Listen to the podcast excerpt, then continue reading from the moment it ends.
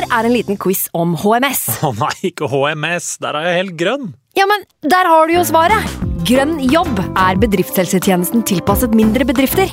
Våre HMS-eksperter hjelper mer enn 8000 bedrifter over hele Norge med alt fra lovpålagte HMS-krav til pålegg fra Arbeidstilsynet.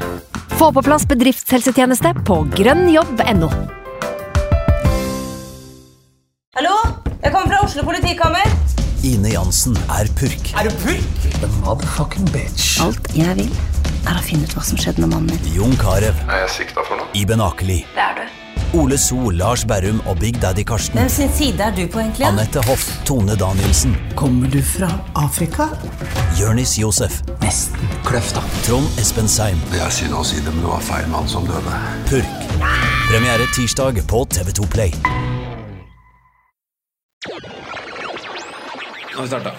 Fantasyrådet. Hei, og velkommen til podcast med Fantasyrådet. Fantasy, fantasy, fantasy. Topp 10 og topp 10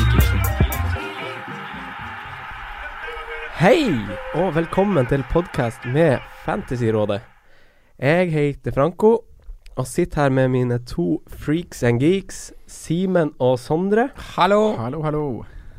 Og det er en glede å eh, ønske velkommen til eh, vår første podkast. For dere som har vært på hugget i uh, Eliteserien Fantasy, har dere vel lagt merke til Twitter-kontoen vår, som heter Fantasyrådet. Og vi har også akkurat tatt avspark på Facebook og oppretta konto der. Um, kontoen vår åpna i mars. Uh, uh, vi starta med å ta for oss Eliteserie Fantasy, altså norsk uh, fotball. Noe som har vært utrolig gøy. Og vi har fått veldig masse fine tilbakemeldinger fra følgere, og masse action rett og slett rundt den kontoen. Eh, men nå har vi fått mulighet til å starte en podkast med det vi liker aller best, nemlig Premier League! Yes, Eller er Cowboys. Ja, deilig. Det blir sinnssykt kult. Blir Eh, vi er jo alle tre rimelig, rimelig fancy geeks og bruker jo veldig mye tid på å sjekke statistikk, se på highlights og lese om skader og kampform osv. Så, videre. så det å nå få en plattform hvor vi kan dele disse nerdete tingene våre med andre folk med, det blir sinnssykt kult. Og ikke minst få ut all frustrasjon som Ja. eh, kommer i hver runde. Som fantasy bringer med seg. Ja, Ja. Eh, vi har selvfølgelig henta litt inspirasjon fra andre podkaster som vi har uh, fulgt med på. Um, og vi uh, gleder oss Ja. til å til å gjøre, gjøre noe lignende. Som individuelle fantasy-gutter så kan vi jo skryte av rel relativt uh, sterke fantasy-plasseringer de siste årene. Ja, det må, må være lov å skryte litt av det. Ja, det må det. Vi kan komme litt tilbake til det. eh, Kan komme litt tilbake til skrytinga etter hvert. Ja. Men nå i denne første podkasten skal vi snakke litt kjapt om, om oss. Og se litt på terminliste, litt på overganger. Eh, og så må, skal vi jo selvfølgelig se på det for, med sånn, med sånn fantasy-briller på, da. Mm. Eh, så på sikt skal vi ta for oss eh, hvert lag i Premier League nå før sesongen starter. Eh, vi skal komme med episoder Det blir litt sporadisk nå i sommer pga. Uh, litt ting som skjer her og der. Og så kommer det jevnlige episoder ukentlig når Premier League starter. Så vi kan jo starte litt med en sånn liten intro. Hvem er du, Simen, som fantasyspiller? Og hvordan har det gått eh, de siste par eh, sesongene her nå? Jeg vil nok si at jeg er en litt mer utradisjonell type enn mange andre. Jeg tar ofte mye hits. Jeg kjører ja, mye magebasert eh, eller magefølelsevalg. Jeg kjører hit, eller hipstervalg, som dere kaller det. Det blir litt sånn feeling. Og jeg er ikke, sånn, jeg er ikke den planneren eller planleggeren som mange andre. Jeg planlegger tre runder fram i tid, og så kjører jeg nå og da. Men uh, fancy-plasseringene som Premier League har ikke vært sånn all verden, men jeg kom meg inn på topp 30 i år. 30 000, altså. Det er jeg jo godt fornøyd med, egentlig. Ja. Det er absolutt respektabelt. Absolutt. Uh, du da, Sondre, som uh, fantasyspiller, hvordan er du som, som spiller, og hvordan har det gått i det siste med deg? Uh, av dere to så har jeg jo fått uh, kallenavnet Tålmodighetsmannen. Ja, du har mange ulike kallenavn i samme sjanger. Ja. uh, og det har jo vært min tøffeste konkurrent i år. Det har vært tålmodigheten. Eh, jeg er jo en spiller som liker å planlegge byttene mine basert på spilleres form og kampprogram. Og jeg venter jo ofte tett opp mot deadline der for å ta Eller når jeg gjør byttet mitt. Det er ikke så mye prisstigninger som avhenger Nei, jeg har vært dårlig på å henge på den prisstigningsballen. Og det, i enkelte tilfeller så har jo det lønt seg, og noen ganger så slår det jo hardt tilbake, da. Sånn som jeg var jo aldri på Capoe i fjor. Fikk ikke med meg de Det var jo å kunne få med seg 1,5 mil hvis han var tidlig på han. Ja. Eh, ja. Men i år har jeg i hvert fall blitt litt bitt av den at jeg ikke har bytta ut spillerne mine, da, som jeg har eh, valgt å gå for. Det er vel Aguero som kanskje er den største For eksempel Aguero, ja. Ja. Hadde, først fikk han inn på laget, så hadde jeg han i runde på runde på runde. Da hadde så tro på han. Bare lot den stå, uten at det ga noe særlig gevinst. Den var jo litt classic i år, akkurat den, da. Det var jo det. Men da kom du på I år så kom du på litt lengre bak enn hva du hadde satt, seg, satt Ja. deg som eh, mål. Da. Jeg hadde mål om topp 10 000. Uh, havna på 92 000. plass. Ja. Ja. Men i fjor I fjor så gikk det mye bedre. Da var jeg topp 6000. Ja. Så det var en kul sesong. Ja, det jeg jo måte- rimelig solid. Ja, det var gøy. Hadde en god start i år òg. Var oppe på 500.-plass totalt. Men så kjørte jeg wildcard, og så gikk alt til helvete. Så Men hadde du da en plan om at du skulle kjøre wildcard? ja, Eller kjørte du, kjørte du wildcard fordi du følte du trengte? Nei, jeg hadde en plan om at det skulle kjøres i runde fire eller fem. Eller det var første landslagspausen. Mm. Så, jeg, så ja. Plan, som planleggeren jeg er, da, så sto jeg jo ved det og kjørte wildcard. Og så var det røde piler i 34 runder. uh, jeg sjøl kom på rundt 14 000 i år. Eh, og rakna litt uh, på slutten da jeg uh, valgte å kjøre uten Harry Kane. Da gikk jeg ned fra 5000-6000-plass til eh, 14 000 på to runder der. Så det var litt kjipt. men å komme på den plasseringa er jo det beste jeg har hatt så langt. Så vi har vel som mål eh, 10 000 til neste år, da. Men det er vel kanskje kulere å skryte av at man er topp 1% to sesonger på rad. Det er gøy. Ja, det er gøy. Det, er gøy. Det hø høres bedre ut. Ja. Men jeg er også litt som deg, eh, Sondre. Jeg planlegger veldig nøye, og sitter gjerne med notatblokka jeg fikk i bursdagsgave hos deg eh, for et par år siden, og markerer med tusj hva, hva som er planen. Vi må vel poengtere det at alle må ha en egen notatblokk. Alle må Ja, ha en egen notatblokk, Ja. faktisk. Du må ha en fantasy statsblokk. ja, skrive for han. Ja, Obli. Obli. Ja. uh, uansett eh, Så jeg liker å gjøre byttene mine basert på egen research, da. Så da er jeg veldig opptatt av å liksom lese på sånne småting som touch i boks, innlegg, skudd i boks, bla, bla, bla. Uh, selvfølgelig er jo noen gang uh, valget det åpenbare. Uh, Ja. Det ender jo opp sånn ofte. Men ja. Jeg tar også få hits. Jeg tror jeg Mm. tok åtte hits i år, eller noe sånt. Fordi vi har jo lest oss litt opp på at generelt så gjør de beste spillerne få hits. Ja. Altså sånn topp ti i verden I hvert fall ikke Jeg vet ikke nødvendigvis den sesongen som gikk nå, men før der igjen så var det bare to-tre stykk som hadde tatt uh, flere enn én eller to hits. Ja. Så det er Men jeg vet ikke. Jeg tror ikke det er noe fasit, altså. Nei, jeg tror ikke det. Du kan jo tjene mye på å ta hits òg hvis du virkelig treffer på det. Men du må treffe. Ikke sant? Det er det noe som med er Ja.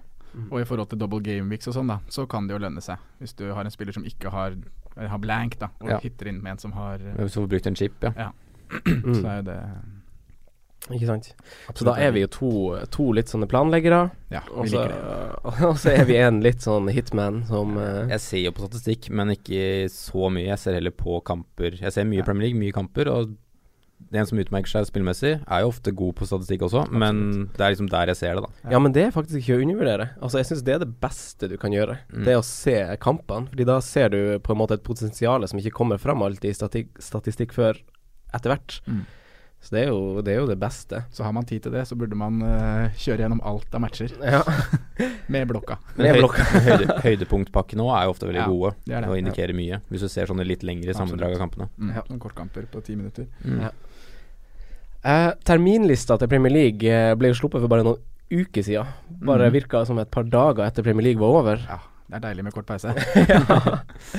eh, så vi var jo selvfølgelig rask på, på avtrekkeren på å sjekke hvem som hadde en bra start fantasymessig, og selvfølgelig for uh, våre favorittlag. Uh, jeg, som heier på Arsenal, har jo, har jo gjort meg en mening om det.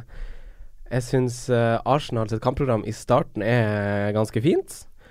Uh, starter mot Leicester hjemme, etterfulgt av Stoke. Og så kommer naturligvis Liverpool, da, som er litt dritt. Men så er det Bournemouth hjemme igjen, da. Og Arsenal-fans er jo litt sånn som er litt sånn sutrete. De er jo litt sånn der eh, Henger seg så sykt opp i, i historien om at nei, vi starter sesongen dårlig, og så gjør vi det ræva i november, og så henter vi det igjen på slutten, liksom.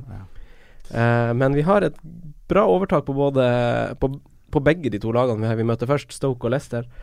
Eh, så I år burde det være mulig å få en god start. Ja, også, ja. jeg syns det. Og så er jo avslutninga litt sånn der eh, På papiret så er avslutninga på sesongen også veldig fin, sett bort ifra at vi møter noen lag som kan være i sånn nedrykksstrid. Det er jo verste Det det tilfellet du kan få. Ja, så, så mindre med Huddersfield overrasker og gjør det skikkelig bra, så har vi jo veldig, veldig fin avslutning. Mm. Og så er det jo den travle juletida.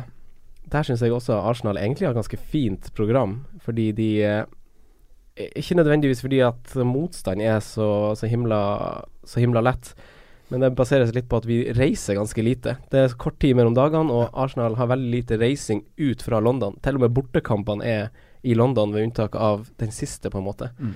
Og Så det er sånne små detaljer som kan ha noe å si, Det tenker er jeg. det, liksom. En det buss, busstur Ja, istedenfor fly og buss. Det kan ha mye å si. Ja. Restitusjon er alt det handler om. Ja. Når det er så tett kampprogram som det er da fra, fra slutten av november til uh, midten av januar. Ja, ikke sant. Og det å få minst mulig belastning på reiser og Jeg føler det, altså. Ja. Du da, Simen, har du kikka noe på, på ditt lag? Ja, jeg er jo Liverpool-sporter, og mm, programmet er egentlig brukbart, men jeg hadde egentlig håpa på kanoner, eh, flere kanoner i starten enn det vi har fått. Men nå har vi fått City og Arsenal løpet av de fem første, så det blir vel noen store Hvordan flere ville du hatt? Nei, jeg ville jo hatt United tidlig. Oh. Det hadde vært moro. Uh, Tottenham tidlig. Det tror jeg egentlig alltid lønner seg. Men hvorfor vil du ha sånn sterke lag tidlig? Er det bare for å få det så litt sånn i fjor, da. Vi klarer å hevde oss i store oppgjør, og egentlig i hvert fall når de kommer tett på. Vi er gode mot gode lag. Eh, Mm. Det er jo det som egentlig alltid har bitt oss. Vi er veldig dårlige mot svake motstand. Mm. Uh, og litt samme som du tenker om juleprogrammet. Liverpool skal til London uh, lille julaften, men uh, ellers så er det to hjemmekamper i romjula, som er deilig. Mm. Når kommer Everton, da? Når kommer Everton? Everton-Liverpool er vel i starten av desember, 9. Ja, så jeg har ikke fått den på Boxing Day. Hjemme. Den blir antageligvis flytta til søndag, tenker jeg. Ja. Siden det er søndag tidlig. Lokalderby. Eh, bortekampen er ikke helt sikker. Den kommer i april, tror jeg. 7. april eller noe sånt. Mm. Ja, men det er Så du er overall ganske fornøyd med Ja, det vil jeg si. Eh, jeg, det var alltid vanskelig å snakke om terminliste, men brukbar to første hjemmekampene mot Palace, og så kommer Arsenal. Tror det skal være greit. Ja. Frykter, frykter jo Benteke, men eh, Liverpool-døderen. ja. Det blir scoring der. Du da, Sondre. Har du sjekka litt opp eh, på ditt lag? Det har jeg gjort. Mitt lag er jo Manchester City. Så jeg har jo registrert at uh, de har et meget fint program Mm. de første åtte kampene. Uh, Fantasy-messig. Spesielt fantasy-messig, da. Man får, jeg får lyst til å bare kaste på tre spillere. Husker Ja, hvordan det starta i fjor, da med mye clean sheets i starten av sesongen. Mm. Så Nei, men det er, eh, det er vel først i runde åtte eller noe hvor de møter Liverpool, så vidt jeg husker riktig. Mm. Nei, Det er faktisk runde runde fire. Ja, runde fire er det. Mm. Men uh, før det så er det Brighton, Everton, Bournemouth. Så har de Watford og Crystal Palace der. Så jeg syns starten virker veldig fin for City sin del. Og samme når det gjelder det litt tette programmet som kommer i overgangen november-desember, så har de en del kamper i Manchester, og da er det jo også sikkert litt Champions League og sånn parallelt. da Mm. Så da er det fint å ha litt reisevei. Uh, ja. Så jula er litt mer eh, hektisk, tror jeg. Noen tøffe kamper mot Crystal Palace og Newcastle. Jo, Den tror jeg, det tror jeg kan bli litt seigt. Borte, eller? Lurer på om de er borte òg. Oh. Ja. Nei, men det, det, der, det der er jo litt artig, fordi Newcastle var jo faktisk relativt mye svakere på heimebane den championship-sesongen som gikk nå, Ja. kontra borte. Ja, de det er jo liksom fordi de skal hjem og du skal styre. Ikke sant, det er. Ja, kanskje Kampbildet er helt annerledes på hjemmebane. At uh, når laga Fin kommer refleksjon, Simen. Ja, men Newcastle er jo uh, Det er jo et bra lag, men i Championship så var de jo storfavoritter. Ja. De skulle vinne hver match omtrent. Ja, ikke sant. Og nå er de Hva spår vi dem på nå? Rundt 15.? Ja. Det er jo Men jeg, jeg, jeg, jeg tipper jo Newcastle kanskje har et sånt potensial av, litt sånn pga. navn og midler. At Ja, til ja, plutselig kommer det inn et par navn der som Mm. er ganske store og sånn. Ja, Ja. fin klubb. Kyniske Rafa. Mm. Kynisk Rafa.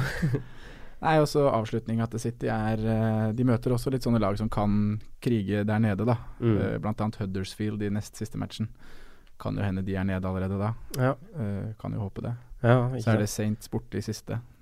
Jeg ser Liverpool har en brutal liksom slutt der òg. Nei da, så alt i alt så I hvert fall en veldig fin start for City. Har du tenkt noe på de nye signeringene til City? Ja. Så Bernardo Silva og Ederson er vel de som så langt er bekrefta. Ja. Kom litt sånn ut Så av er det det jo rykter på backplass på begge sider, så Mhm. det blir spennende å følge med det. Men eh, ja, Bernardo, Bernardo Silva kom litt ut av det blå, som du sier. Det var Mm. veldig eh, Veldig tidlig. Ja, tidlig overraskende, og ikke minst spennende, da. Ja, de bare starta den Monaco-kabalen. Ja. Så helt uten Ja. Men det er jo indrefileten i hele Monaco. Altså Bernardo Silva er den klart beste spilleren der. Ja. Han er jo helt fantastisk. Ja. Men jeg, jeg sliter med å se liksom hvordan eh, Guardiola skal sette sammen det angrepet her nå. Altså. Ja. For Ja, nå det er det mye, Det er mye snacks for det er mye snacks der. Og fantasy-messig så er jeg jo livredd. For hva skal man Man må jo ha noe, men hva skal man kjøre? Ja, det, den er vanskelig, Ja, altså. for det vil Ja. jo bli en rotasjonsrisk ut av en annen verden der. ja. Ja. Det er Prisen på Bernardo Silva, hva tipper vi der? 9-5? Ja, ja, Jeg tipper, tipper rundt 9-5-10. Ja. Ja, jeg Mm. på 10 der, ja. Ja. ja. Mm. Kevin De Bruyne var vel på 10-5 i fjor. ja. Han kommer opp til 11, tipper Han jeg. skal, han skal høyere i år, ja.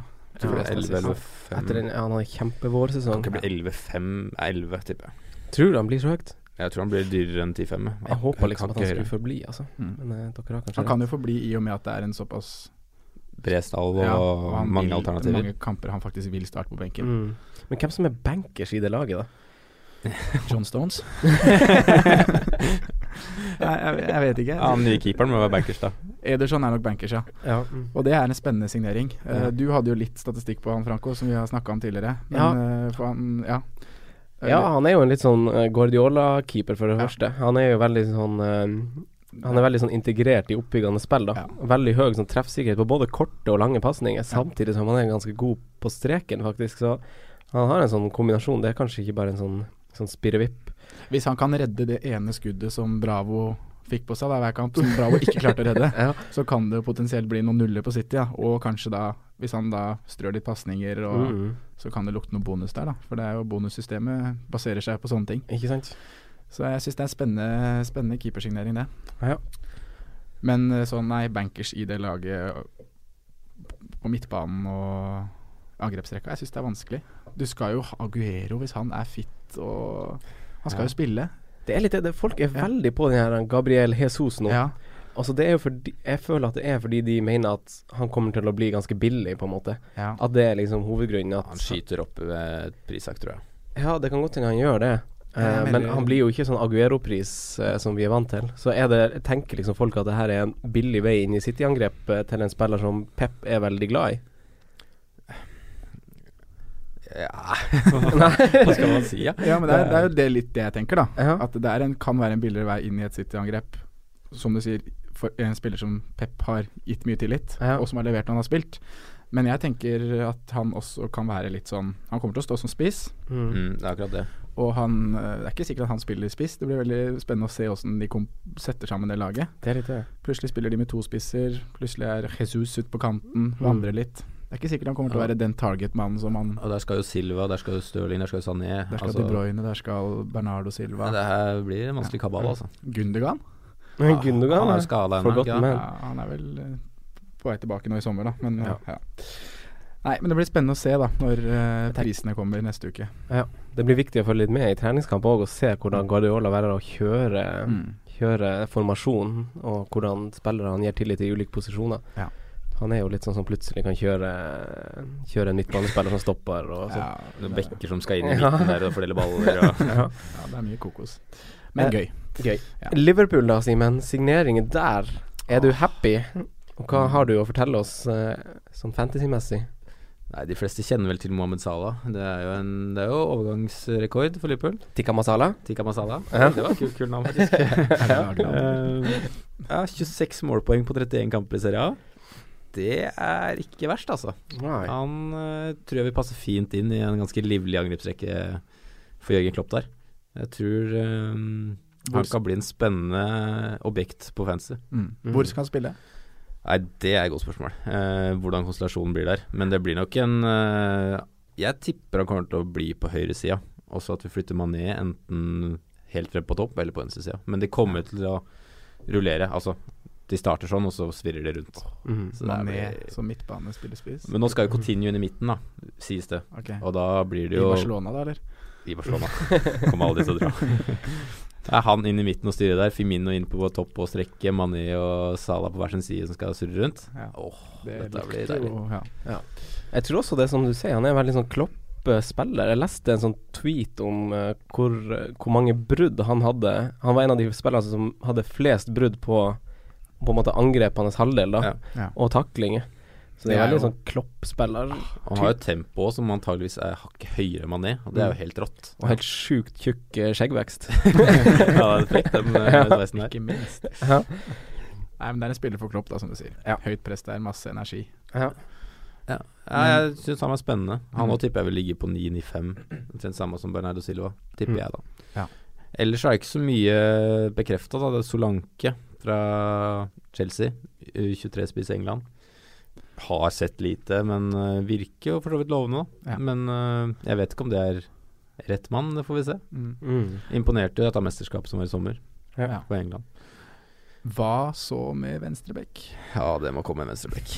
Jeg blir skikkelig frustrert om vi har James Milner som venstrebekk denne sesongen her òg. Ja, for det holder ikke. det holder ikke. Han er for dårlig til slå innlegg. Og vi, mot dårlige lag så syns jeg liksom vi blir stengt av helt i midten, Mm. og vi får så mye åpne muligheter til bekka. Ja. Og Klein kan jo ikke slå innlegg. Og hvis Milner skal på andre, så blir det liksom Det blir statisk, det blir dødt. Vi må ha noen som kan bare skyte de innleggene Ja Men si at han står som forsvarsspiller i år, da. James Miller. Ja, og spiller fast på venstreback. Ja, da er han alternativ. Og fortsetter å skyte straffer. Da er det Da, fantasy-sammenheng, da er det spennende. Ja, han skal Ja. på, da. Ja. Mm. I så fall. 5-5. Ja, det blir vel det. Siden han tar straffer. Ja. Og spiller på Liverpool. 5-5. Ja, 5-5. Mhm. For Arsenal sin del så er jeg jo veldig happy. Jeg er jo veldig sånn Jeg syns, eh, jeg syns jo vi skal konsentrere oss om å skrive under ny kontrakt eh, med de vi har havna i sånn clinch med, som vi eh, alltid gjør. Ja. Så er det, er det sånn her drit med Arsenal. Sånn Klarer ikke å signere folk på ny kontrakt tidlig, og så begynner sånn her kål. Mm. Uh, uavhengig av det, de spillerne vi har henta Nå går jeg faktisk ut fra at Lacassette er klar, for han besto medisinsk test i går. Altså I går var det tirsdag. Mm. Fjerde, Tirsdag, fjerde fjerde juli. juli. Ja, det er bra du viser med fingrene. Eh, Du har jo ikke dato Nei, nei, nei. Uavhengig av det, Lacassette klar antas. Eh, 28 mål i fjor på 28 starta kamper i league 1. Ti straffer. og, og to innhopp også der. Ja. Tre mange hadde Shamak i league A da dere henta han? Du, Shamak var klasse. Du, er du klar over hvor bra Arsenal gjorde det med Bentner på høyrekant, Shamak eh, som, som spiss og De Nilsson på sentral midtbane? Sirkus, altså. Topp fire! Uansett, 20, tre sesonger på rad med 20 pluss skåringer. Mm. Uh, det som er med han, er at han er jo eh, en litt sånn driblehappy spiller. Veldig kvikk, kan avslutte med begge bein. Uh, han får veldig masse frispark. Eh, så han også er sånn der eh, Altså det jeg tenkte på det Grunnen til at jeg nevner det, er at eh, det er på en måte en av grunnene til Sanchez har fått så masse bonuspoeng. Ja. En ting er at Sanchez skårer masse mål, Ja, han har masse assist, men han får som regel tre bonus òg, fordi han dribler masse, han blir masse, får masse, blir masse felt, får masse frispark. Det er jo litt som Mané også. Ja, så nå blir det Nå blir det litt fordelte poeng, da, kanskje. Ja. Dersom Sanchez blir, da, så klart.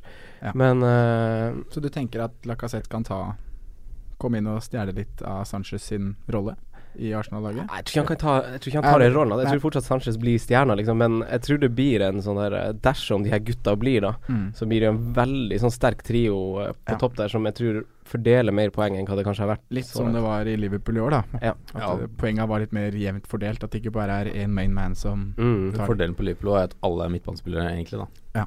Det er spennende å se om Firmino blir angrepsspiller eller midtbanespiller i år, men uh, Ja, Det er litt samme poenget. Ja. For Lacassette blir jo å stå som spiss. Han blir jo stå som spiss. han blir dyr. Han koster sikkert ti eller noe sånt, ja. 10-10-5. 10-5 kanskje, ja. ja. Så vi vet liksom ikke. Men jeg syns han burde være en sånn potensiell fantasy-kandidat. Mm. Jeg, jeg er veldig glad i Giroud, faktisk. Ja. Eh, det som er med han, er bare at jeg syns han er litt sånn eh, Altså sånn Han er veldig begrensa. Jeg tror ikke man får mer ut av han enn hva det vi har fått nå. Mm. Han er veldig, blitt en veldig god kombinasjonsspiller under Wenger. Han er vinner så masse på hodet, og han er sterk i oppbyggende spill og i boks, så klart. Ja. Men det er sånn Han kommer ikke til å bli noe raskere. så det er liksom eh, eh, Det er liksom Vi Arsenal-fans har venta på den X-faktor-spissen og håper litt at Lacassette kanskje blir det, da. Men sånn helt uh, tilfeldig spørsmål. Hvem tror du tar straffer da for Arsenal? Blir Sanchez eller blir Lacassette? Det kan Oh. være mye poeng i en sesong på fantasy for Ja, så dyre spillere. Det er faktisk et godt poeng. Eh, ja, så lenge ikke Øsil tar dem, så er jeg ganske happy, altså. Ja. Eh, Tok han straffer? Han tok, tok han- Nei, han har tatt et par straffer som han liksom bare har uh, claima mer eller mindre fordi Casorla har vært skada, som for så vidt er skada til 2018 nå. Men uh, da Da har Øsil tatt et par, og det er s- nei, sånn slapt. Liker ikke det. Nei, liker ikke det. Ja, Det kan jo fort være 50-60 poeng på en sesong. Det er bare rene straffer. Det er sant, det. det kan det. Arsenal lager jo mer straffer enn de får, da. Eh, Men uh, Ikke noe holding i det. Nei, nei. Men Eh. tilbake til For du var Giro. Oli G. Ja. G. Han, bare, han står altså på laget mitt. Draft nummer én. Okay. Uansett hvilken klubb han går til nå. 8-5 Giro. Om det blir Westham, om det blir Leicester, Crystal Palace. Det har vært flere rykter. Du har noe man blir òg, eller? Hæ? Du har han på laget om man blir Nei, òg? han må dra. Men tenk dere Westham. Ja. Men der skal jeg spille Janni Carroll. Halvparten av kampen i hvert fall. Ja, det blir spennende. Jeg Det synes det blir spennende. Ja. Andre signeringa til Arsenal, Kolasinak. Kolasinak. Den kunne du fint. Kolasinak. Jeg har sett sånn video hvor han uttaler navnet sitt sjøl. Kolasinak. Ja. Kolasinac, sier jeg. ja, forhold deg til det. Uh, han spilte 24 kamper fra start i Schalke i fjor. På det hadde han fem assist, tre mål. Ja. Eh, det er ganske mye Altså sånn, det, det lyser jo ikke grønt av det, men sånn, det er ganske mye bedre enn hva det Monreal eh, leverte i uh, venstreback i Arsenal. Men tror du ikke han vil få en sånn wingback-rolle nå, eller vil Jo, det er det som er interessant. Ja. Det er jo det som er Altså, Premier League-lag Jeg tipper vi kommer til å se en hel del 3-4-3 i år. Ja. Og Arsenal blir nok ett av de lagene. Men så er det jo spørsmålet liksom hvem, hvem står som forsvarsspillere. For, Sånn som Alonso som i. Chelsea gjør nok ikke det. Ikke i år, nei. Nei, ikke i år. Nei. Men det var gull i fjor, da han Ja. gjorde det. Så Men hvis- Kolasnjac starter nok som forsvarer i år, det vil jeg tro. ja. Ellers blir jeg overraska. Ja, det tror jeg òg. Hva med Bellerin? Ja, Bellerin eh, står sikkert også som fotball, fotballspiller. Han står som Han står sikkert også som forsvarsspiller. Ja. uh, men uh, han er jo uh, Han er jo ikke bankers, da, føler jeg. Det er det som er litt sånn uh, Oxlade. Oxchambo, ja. Ja. Mm. Dersom han ikke går til Liverpool. Ja. Mm. Eh, ja, så det, det er litt sånn der eh, Vi har snakka litt om det før, hvor mange lag som prøvde 3-4-3 i fjor. Det var bare to lag som ikke gjorde det. Mm. Burnley og uh, Bournemouth Ja. var de to lagene som ikke prøvde trebackslinje. Overraskende ikke Burnley kjørte noe 3-5-2-variant hjemme på Turf Moor. Nei, der skal det være 4-4-2 og all British. Sam, Sam Wokes, få den ballen fram. ja. Men det, vi kan jo for så vidt se en 3-4-3 fra Bournemouth nå. Ja. Kanskje. Kanskje det med Akein. Mm, Ikke sant. Så ja. Nei, men tilbake til Kolasinak. Han er jo eh, Det virker som Wenger ser litt etter en type. Han er jo en sånn vinnerskalle fra Balkan. Lager masse frispark, trøkker til i dueller, springer masse, så du får litt intensitet. Det er en skikkelig robust kar, er det Ja, ikke? det er det. Ja. Ordentlig transformer. Mye gule kort. Ja, han fikk fem gule i fjor, Eh, så det er på en måte Er det ikke så ille? Nei, det er ikke, det er ikke så ille. Det er ikke så ille, men Hadde det vært i Tippeligaen, så hadde han jo sona fire kamper for det. Men da er det litt annerledes i Ja. Premier League. Ikke sant. Andre lag eh, vi på en måte har sett oss ut Jeg har sett litt på United. Manchester United. Nei, I forhold til terminliste. I forhold til terminliste, så, Ja. så klart. Uh, de har jo et veldig deilig kampprogram på papiret. Mm. Starter mot Westham hjemme, følger opp med Swansea borte, så Leicester hjemme. Uh, men jeg lurer liksom på om vi blir litt lurt. De vant åtte kamper hjemme i fjor. Ja. Skårte kun 54 mål totalt. Og for å danne et liksom bredere bilde på det her, så skårte Bournemouth mer. Manchester City skårte 31 mål mer enn Manchester United gjorde. Uh, er det sånn Vi setter jo ikke på en offensiv United-spiller før, Nei, før vi ser at før vi ser at det er noen å sette på. Ja. For som det er nå, så føler jeg ikke at det er en offensiv mann jeg vil ha derfra. Jeg er helt enig, men United kommer til å skåre mer i år enn de gjorde i fjor. Det er Ja, jeg men da må vi først se hvem som ja, gjør det. Jeg er helt enig. Mm. Men de kommer til å gjøre det. Ja, ja, noe annet vil jo være et krise. Jeg er litt redd for at Pogba får en kjempesesong i år. ja. Han var litt sånn OK i fjor, men ikke så mye mer enn det i forhold til forventningene. Men jeg tror han får en monstersesong i år. mm, Får se hvordan rolle han Ja, det er noe med det. Kanskje han får en litt mer offensiv rolle. Mm. Spennende om med Mkhitarian da, på et fancy ja. perspektiv. Han blir, blir jo ikke noe dyrere enn det han var i år. Nei, heller andre veien, Ja. nesten. Mm. Men uh, ja, som du sier, de De har 8-10-1 på hjemmebane. Veldig mye uavgjort. Men veldig mange av de kampene er jo 0-0. Ja, Mm, ikke sant. det er akkurat det. Så det er jo, hvis man skal se noe Defensivt bør vi plukke, tror jeg, ja, fra start. Ja, hvis du sånn skal ha noe fra United i starten, som jeg tenker at man burde ha, på bakgrunn av den uh, terminlista de har fått utdelt. En av de sju bak Ja. United. Ja. Men uh, hvem velger man der? Eh, avhengig av pris. Ja. Men uh, blir Bailly eh, 5-5, så tenker jeg han kan være et Ja, alternativ. Jeg tror ingen av de i forsvarsrekka blir under seks, altså. Nei. Av de som spiller. Nei, Det tror jeg ikke. Så jeg, mitt klareste valg er hvis David Igea blir værende i United, så med er han keeperen min i år. Ja, jeg har tenkt samme tanken, egentlig. For keeper de kommer til å koste 5-5. Mm. I Sånn fjor, i i fjor. fjor kosta alle, det var ingen keepere som kosta mer enn 5-5. Så vi kan jo håpe på at det blir sånn i år òg, og hvis det blir det, så er Digea i hvert fall for meg det soleklare For heaten valget. vil jo øke. Ja. Samme vil jo Pickford, som var Ja. to obvious valg, eller ikke obvious, men to populære valg i Ja, fjor, da. det var jo fin sånn rotasjons... Ja, Heaton kosta jo fire. Så er det eventuelt Begovic da, som kan være alternativ keeper der, Ja. inne i Bournemouth. Hva Ja. tenker dere om det, når vi liksom bare snakker litt om keepere? Sånn, hvordan, eh, hvordan Hva er liksom fasiten? Hvordan, for du nevner jo noe sånn at du vil kjøre Digea. Er det Ja. grunnen til at du velger en dyr keeper? Ja, øh, det er fordi at øh, en sånn rotasjonsvariant, da, hvor jeg har kjørt to, fire, fem keepere, og skal spille ut fra hvilke lag de møter, og om de har hjemme- og bortekamp, det, alltid, vet det har gitt meg så sinnssykt mye øh, dårlig stemning. Ja. Sittet med elleve poeng på benken, og så har han som har spilt, sluppet inn tre mål hjemme mot uh, Hull. ja, ikke sant. Og så har Tom Heaton Ja. 30 redninger i Paul Trafford Ja, og holder holder null. Det er ja. jo galskap. Så på bakgrunn av det så har jeg bare bestemt meg for å gå for én keeper. Mm. Det er ikke sikkert at det er en 5-5-keeper. Det kan hende at jeg går for en femkeeper. Mm. Og så um, reservekeeperen, da. Nei, da blir det bare en Kanskje jeg kjører hvis det er en Den billigste som spiller, tenker jeg. Men du skal ha en som Eller to fra samme klubb. Går jo også an. Ja. Ikke at Ja, jeg bare for anbefaler det. bare for å sikre. Men er det viktig at reservekeeper spiller? Det er- Ikke, ikke hvis førstekeeper spiller, det er ikke så viktig. Det veldig kjedelig de eh, man kan jo ta en keeper til fire, liksom, som ikke spiller. Ja. Bare for I fjor hadde jo. Jakubovic der, da, som var genial. Mm. Eller i hvert fall i starten, og så var han jo benka litt midtveis, og så kom han jo som et skudd. Jeg håper litt uh, Danny Ward uh, får et nytt låneopphold i Huddersfield. Da kan han være en aktuell mann å ha som reservekeeper. Ja. Mm. Han er en brukbar keeper, altså. Ja. Danny Ward. Det er litt sånn som vi God straffekeeper òg. Ikke sant. Enn du, Simen, hvordan sånn keepervariant går du for? Du er sånn som liker å spare litt penger, er det ikke det? Jeg er ikke noe glad i dyre keepere, har ikke vært det. Men jeg, jeg, i, i år, altså, eller forrige sesong nå som var, så kjørte jeg heaten egentlig hele sesongen omtrent. Og så har bytta jeg litt på ut fra når jeg kjørte wildcard på hvem jeg hadde som reservekeeper.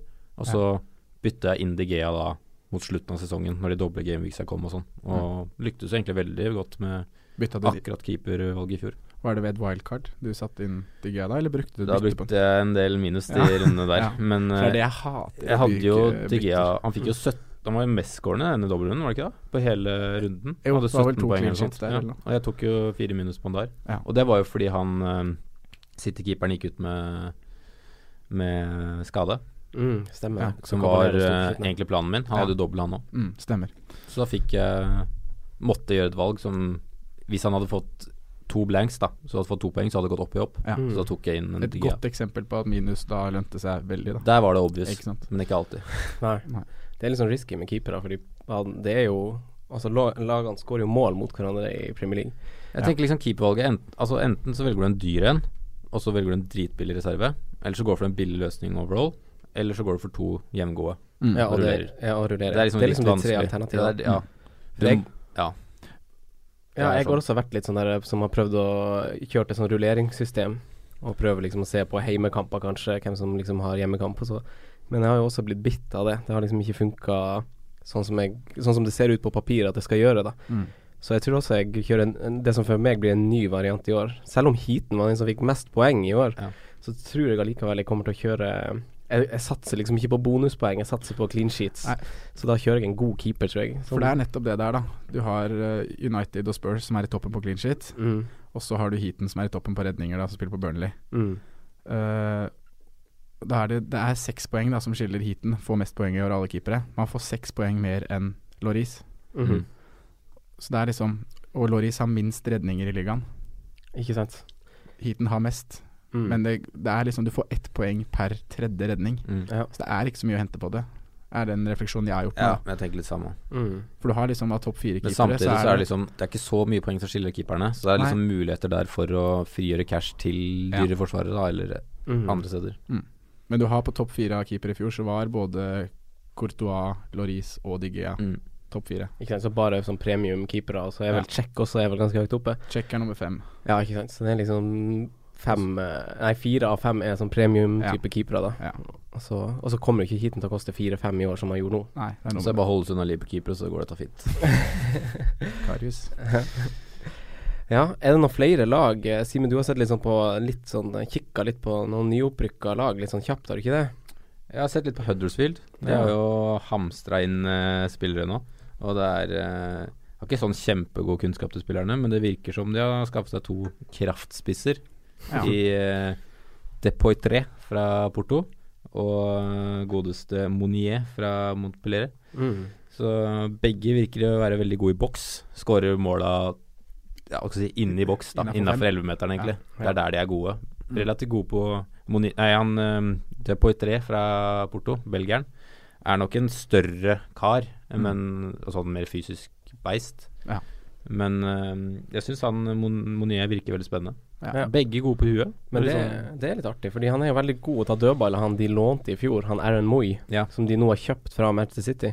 Som sikkert blir å spille med han, eh, han eh, Danny Williams, som de også kjøpte, som presterte veldig bra i Redding i år. Mm. Så det blir en litt sånn eh, det Kanskje jo, det er en plan? Ja, og det her blir jo billig spillere fantasy-messig. Ja. Ja, jeg tenker jo Så det spissen er der er sånn 6-6-5, kanskje. ja, og hvis han Monier kan slå til fra starten, så er det et Mm. alternativ. Ja. mm. Så har de henta Tom Ince.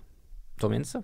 Mm. Det vil være et friskt pust på Ja. vil jeg tro. 14 mål og 6 assist i championship i fjor. Han har jo vært god i Championship lenge nå. Ja. Det er liksom bare, egentlig bare venta på at han skulle liksom komme til en Premier League-klubb og Mm. få slått seg løs. Da. Han har vel fått prøvd seg litt i Premier League før, uten at det liksom traff helt. Så Ja, det stemmer. Får vi se Ja. om eh, Om det at jeg har lykkes nå. for mye, Ja. men det blir spennende. Har jo Ja. noe å leve opp til. Ja. Ja. Eh, et, an, et annet lag som, uh, som liksom vi kommer til å plukke masse spillere fra, er jo Tottenham. Ubeseira hjemme i fjor. ja. 17 seire og to uavgjort, eller et eller annet helt banalt. Ja. Eh, desidert det beste hjemmelaget, eh, og slapp kun ni mål inn på hjemmebane. Eh, vi kan jo allerede si nå at eh, at de har en kamp som skal flyttes i runde tre pga. en rugbymatch. ja. Så da får, eh, Sånn er lukter det tidlig på- game gameweek. Ja. sånn er det å spille på Wembley, ja. Ikke sant. Opplever vi her en Så den blir eh, faktisk flytta til en annen gameweek. Den blir flytta Så til de en har gameweek. blank bekrefta i runde tre. Det blir det mest sannsynlig, av mindre med de får det integrert i den samme uka. Men det er litt sånn travle uke med cup og Europa og sånn, så vi får Det er se. litt å tenke på at du ikke skal plukke tre fra Tottenham fra starten nå, da. At de har en blank så tidlig. Ja, vi får se når det blir bekrefta. Men også, de spiller ikke lenger på sin kjære White Hart Lane, No. som uh, Kane sa et veldig verdig farvel til Ja. uh, nå i vår. Uh, nå skal han spille på Wembley, en annen side av byen. tommere tribuner. Mm. Får vi se en sånn Westham-kollaps her, eller? Ja, gjør vi det? Det blir spennende å se, altså. Ja. Jeg, jeg tror liksom ikke det blir uh, ubeseira her, altså. Nei, hvert fall. jeg er litt skeptisk til det. Ja. Det er alltid litt skeptisk til ny stadion. Det var var sammen samme når Arsenal flytta til Emirates, var det ikke det? Jo, Jo. det ble jo litt sånn. Eh, det er liksom, Den skal ha litt tilvenning til, på en måte. Mm. Men uavhengig av det, så er det jo noen spillere der man Det laget der begynner å bli rimelig sammensveisa nå, altså. ja, Kane er er jo førstemann på. Han er førstemann på. Uavhengig av pris. Ja, det tenker jeg nesten sjøl, altså. Mm. For Aguero. en avslutning han hadde i fjor. Ja. Ja. Han er blitt så klinisk. Snakker vi 30 pluss i år, eller?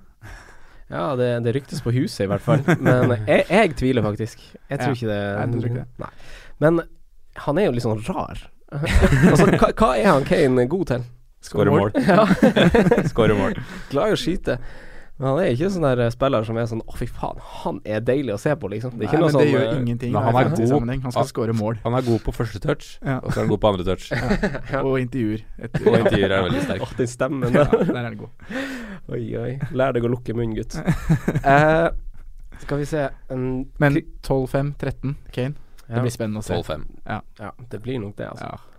Ja. Men uh, min mann er jo Christian Eriksen i det laget der, altså. Ja, de Han skyter, han. altså. Jeg er veldig glad i han. Mm. han uh, det er han som liksom gjorde masse av sesongen min i år som gikk. Jeg Mm. vet at Del Alli også er selvfølgelig en spiller man skal vurdere, Mer målskårer enn Eriksen. men det handler litt om Eriksen er the brain i hele Ja, han er det. Det handler litt om sjanseskap innen dødball, og begynte å skåre litt òg etter hvert. Og Skyter jo utrolig mye òg.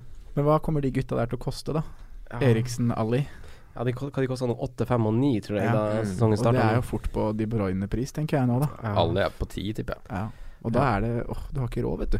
Nei. Hvis du skal Hvis du skal ha Sala inn der, skal du ha Firmino inn der, så skal du ha Mané inn der. Altså, dette blir bare Det er mye vanskelig med midtbanen å komponere. Ai, ai, ai. all out attack every game. når vi snakker om det 3-5-2 har jo vært litt sånn gjenganger i Eliteserien nå, å prøve det. Er det aktuelt nå? Når det er litt sånn usikkerhet rundt eh, de toppspissene, med unntak av Kane.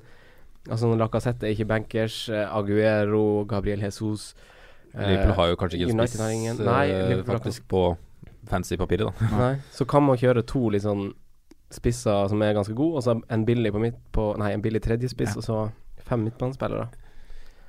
Ja, så er det spennende å se hva som, hvor Lukaku ender, da. Om han skal være aktuell. Om Mm. han Ja. blir, eller om han går til Om han de to, liksom. eller om han går til United, eller hva det blir med han. Lukaku Kane, også en billig ved siden av, og så Fem kanoner på midten. Ja. Mm. Jeg syns jo det høres fristende ut. Mm. I og med at det er så mange Nå, har jeg, nå vet vi jo ikke vi- posisjonene på alle spillerne derfor nå har ikke spillet kommet. Men Det er det som er i og med vanskelig, at, ja, I og med at det mest sannsynlig vil være så mange attraktive fantasy-spillere som står som midtbaner, så syns jeg det høres fristende ut. Men det er alltid skummelt, syns jeg. Jeg liker tre spisser. Ja. 3-4-2. Det er vanskelig å benke den der spissen selv om man er, koster seks Ja. og spiller på Burnley eller hvor man spiller. Ja, det er litt det. Ja. Eh, Chelsea, da. Du nevnte det, Sondre. Eh, hva tenker vi her? Nei, Det blir jo veldig spennende å se, da. Andre sesongen til Conte og ute i Europa. Og nå er det litt murring i hele Chelsea, er det ikke Ja. Med Costa, Costa Sagan og surret der. Og så er det som du sier, da, ute i Europa. Jeg tror ikke Ja, det er tilfeldig. hvile at de gjorde det så bra, fra, liksom, og Liverpool også, ja, for så vidt, Mm. på høsten i fjor. Se energien til Conte når de hadde fått lada opp i en uke til hver match. Det var jo spinnvilt hvordan trøkk de hadde. Ikke sant. Så vi får se. Jeg tror det, det burde få en konsekvens liksom, for de lagene som liksom ikke spilte Europa i fjor, men nå skal ut der. Mm. Jeg tror Chelsea får det tyngre, men de har en relativt brei stall, altså. Ja. Så Variert uh, start, sånn uh, ja, kampprogrammet. Mm. Litt tøffe kamper, litt enkle kamper i starten der. Har vel både City og Liverpool i løpet av de første fem-seks der, tror jeg. Jeg har Burnley hjemme, Spurs borte, og så Everton Ja, hjemme, og ja. så Leicester, og så Arsenal. Ja. Det har ikke Liverpool. eh, Nei, ikke Liverpool, det er blingsa. Det er Spurs, Men uh, Everton, de lagene du leser opp der, er jo uansett eh, tøffe, med Everton og Spurs. Og Mm. så um, når det kommer til juleprogrammet, så har de, da har de ganske greit. Da er de også sånn som Arsenal, er mye i London. Tre kamper i London fra boxing day til 1.1, så det kan jo ha litt å si. Mm. Men eh, nei, jeg syns det er eh, som fantasy eh, hvem man skal plukke fra Chelsea i år. Det blir vanskelig. Jeg er veldig spent på Alonso. Alonso. Kommer vel til å stå som midtbane. Mm. Victor Mm. Moses, da, han er jo Ikke han er sikkert kort. Nei da. Men. Hazard. Hazard. Ja, han er jo skada i serieåpninga, ja, Han tar knakk, ikke klar tilbake. Ja, riktig. så han kan jo bare vente med. Det er egentlig litt Ja, digg å slippe å tenke på det. Mm. Mm. Så man bare være på ballen når han er tilbake. Ja, Men han er et kjempedilemma, syns jeg. Ja. Oh, Fordi det er mange dilemmaer. Enten så må han stå hele sesongen, eller så må han ikke ha han. Det, ja. Du må ta noen valg. Ja. Det er sånn det alltid vil være. Men han har brudd i ankelen og står ifølge en veldig uoffisiell kilde at han er tilbake ish, midt i september. Mm. Så Ja. Da mister han kanskje, kanskje et par viktige kamper, faktisk. Der. Mm. Det gjør han jo faktisk. Men om Lukaku går til Chelsea Ja, for vi venter vel på en spissignering der. Ja, det gjør Vi vi. Costa er jo ferdig. Mm. Skal ikke kjøre Bachuay. Nei, det var det, da. Nei, han de henter ny spiss. Ja, jeg tror jo det. Jeg tror, ja. Eller de vil jo ha Lukaku. Hvilke andre er det her, da? Bachuai? Er det bare han, eller? ja, nå er den der Tammy Abraham lånt ut, han Ja. U21-stjerna. og så er Eier de fortsatt Remy? Eller har han permanent eh, Pelles. Oi. Det er et godt Det spørsmål. er et godt spørsmål. Mm. Kan vi sjekke opp til neste gang. Ja. Men ja, vi venter jo fortsatt på signeringer generelt for Chelsea. Ja, da vi gjør det. De har jo kun eh, signert reservekeeper og en uh, fireåring fra Exeter. Mm. det, det er jo det eneste. Ja. Så det er det vel nyss før det smeller. Mm. Men en, uh, en eh, sesongen som gikk nå, da. Har dere noe liksom sånn Altså, vi, vi har gjort det ganske greit.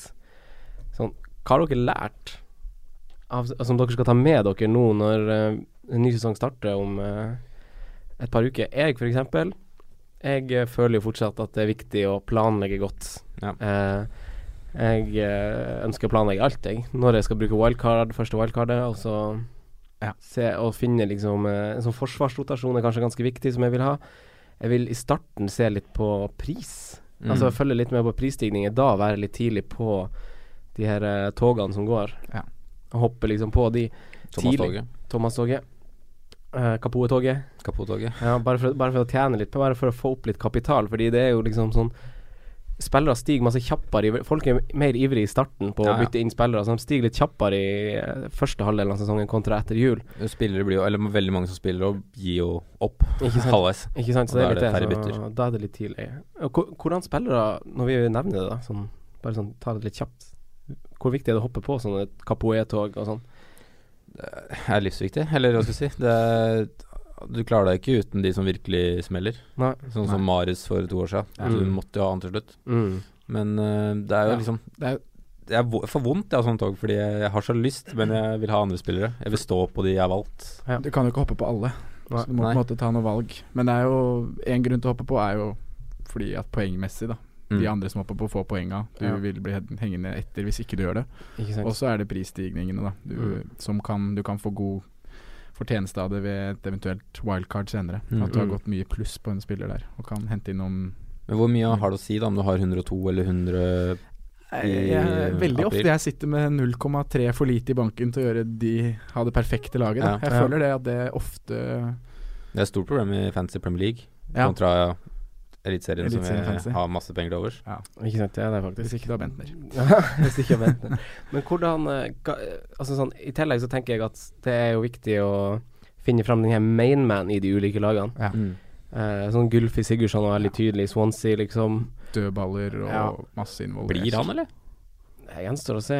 Everton har vel lagt inn eh, utallige bud, har de ikke det? Everton splæsjer penger på alt som finnes. Ja, men eh, ja, det, det tenker jeg òg. Det er viktig å se på sånne spillere som liksom er involvert. Defoe og, og sånn type karer. Ja. Eh, og så er det det med form eh, VS kampprogram. Ja. Det jeg tenker sånn Formspillere leverer også mot gode lag. Ja. Mm. Det er er jo erfaring. Ja, for det er noe av det jeg har lært. På en måte At uh, Jeg ser jo mye på kampprogram når jeg legger opp en plan. Mm. I starten gjør man jo alltid det. Ja, men sånn utover sesongen er en spiller i form. Det er samme om man møter Hull hjemme eller uh, Chelsea borte, altså. Ja. Litt, det er litt min erfaring, i hvert fall. Jeg så Joshua King var jo veldig forutspiller Ja. nå på våren. Skårte jo samme om hva motstanderen het. Ikke sant. Så det er litt sånn Man må se litt på Vurdere litt form og ikke bli skremt av at de har eh, United borte om to runder, liksom. Absolutt. Ja. Uh, sånn, uh, sånn pengedisponering, da. Altså, vi skal jo fylle fire ledd. Mm. Uh, hvor er det balansert man kjører, eller kjører man krutt på topp? Det har jo, det bitt oss i ræva sånn før. Ja. Vi valgte jo å kjøre tre dyre spisser som resulterte i at vi måtte kjøre Stanislas som en midtbane vi skulle bruke nå i januar. Jeg hadde vel Stanislas og Fletcher der. det gikk bra i sånn to runder, og så var, så, så var det å finne en vei tilbake, på en måte. Ja. Som koster både tid og kanskje poeng dersom man skal begynne å ta minus. Man prøver jo alltid selv Altså, man gjør det relativt billig bakover, men man må på en måte ha noen av fra de gode laga, da. Som Ja. som plukker jevnt, kommer stå hele sesongen. Ja, i forsvarsleddet, tenker Ja. jeg. Ja. Altså de to bakerste ledda, keeper og forsvar. Mm. Prøver liksom å skrumpe inn mest mulig. Mm. For man tenker at man skal bruke tre, stort sett bak. Mm. Og da må du på en måte Kan ikke ha fire som koster over fem, liksom. Nei, da må du ha to fire-femmere der som kan rullere Ja. Ja. Og, da, og helst den siste kanskje også fire, hvis vi finner en. Ja. Yoshida, en Stevens, en Mm. Holgate. Nå er jo Coleman ute. Spennende å se hva prisen på han blir. Sånne typer, da. Mm. Ja. Um, og så er det ofte at man har én på midten som er veldig billig. Ja. Capoe. Mm. En femtemann der. Ja, i fjor var jo det Capoe for veldig mange. Ja. For noen Ja, for- andre var det Fletcher. Sånn et problem med en sånn Capoe er at man har han på benken når han Ja. og så dytter man inn når han er ferdig. Mm. Det blir litt sånn Det var ikke så mange som starta med han selv om han gjorde det bra. Nei. Ja, De som bytta han inn, hadde, turte jo som regel ikke å spille. Nei. Man er litt sånn der eh, Han koster 4-5, han bruker vi ikke type psykologisk eh, Ja. type greie. Man vil jo bruke pengene det- Ja, Da er vi tilbake med det. Er han i form? Ja. Spill han. ikke sant. Ja. Ikke Men sant? eh, ja, jeg er, mer, jeg er på en balansert fordeling av penger, da. Ja. Prøv på det. Jeg tror det blir det på meg også i år, altså. Og så kjøre to litt sånn dyre forsvarere som står, som du sier, Simen. Uh, sikkert en fra Chelsea, og så United-keeper, og så kanskje Trippier, som vi har vært innom i Tottenham. Mm. Dersom uh, Walker går til City Ja. etter spillet er blitt lansert, så oh, håper er vi jo. Trippier kommer for uh, Skal vi krysse fingrene for fem? Ja, jeg Men tror det blir sikkert 5-5, men Ja, vi kan håpe på fem. Fem blank hadde vært magisk på Ja. Han er uansett en eh, Han er en veldig god spiller, sånn, eh, sånn fantasy-messig. Innlegget hans er jo Ja. helt nydelig. Mye bedre treffprosent enn Kyle Walker. Ja, ja. Ja. Så det er litt sånn spennende. Han har signert ny femårskonsert. Konsert. Ja. Ny femårskontrakt. Tre, så da, ja.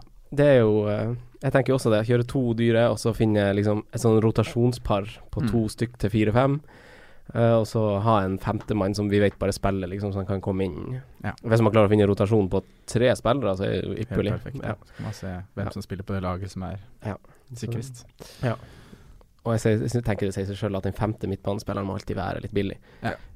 Og der kan man være tidlig på ballen med å finne en billig som leverer. Ja. Så vi skal, vi skal jo nå uh, skal vi snart runde av, men da, vi skal jo etter hvert gå inn på hvert lag. Ja. Uh, vi skal følge litt med på treningskamper. Vi skal se litt på historien til kanskje noen enkeltspillere som vi har sett oss ut i de ulike lagene. Annet de uopprykka lagene, og, og kanskje de liksom midt, midttabelltype lagene. Vi Mm. skal se om vi klarer å finne det der lille S-et som bare ligger der og lurer, som ikke alle har funnet ennå. Ja. skal vi få tid til å slakte Everton sine kjøp.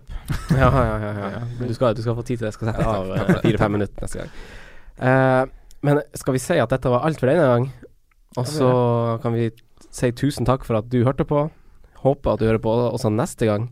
Og så sender vi ut en takk til Moderne Media, som vil uh, lage podkast med oss. Og til Jinglemaster eh, Larsa. Altså, for, for å ikke skape forvirring, det skrives altså L-A-H-S-C-A, hvis jeg ikke tar helt feil, altså. Så det er litt sånn eh, vanskelig, van vanskelig navn. Men finnes på Soundcloud. Finnes på SoundCloud. Ja. Og til slutt, konstruktøren av vår kommende logo, Karoline Kvalheim. Ja. Skal vi gi en applaus i mikkene til eh, de tre vi har nevnt? Hey. Takk skal dere ha. Takk, takk, takk, takk. Ses neste gang. Nei, nei, en ting til. Ja. Send inn spørsmål og på Twitter, Ja. Facebook Instagram, Tinder, Ja. Alt. Alle plattformer. alle Ja. plattformer. Så tar vi det opp i neste Fantasyrådet podkast. på Ja. alle plattformer. Jepp. Takk. Takk. Takk. Takk for at du hørte på vår podkast. Vi setter stor pris på om du følger oss på Twitter, Instagram og Facebook. Vi er fans i rådet på alle mulige plattformer.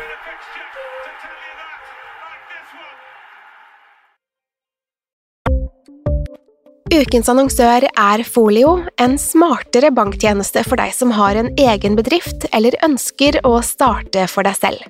Folio er en superenkel nettbank for bedrifter. Som kunde i Folio får du en bedriftskonto med et bedriftskort og app.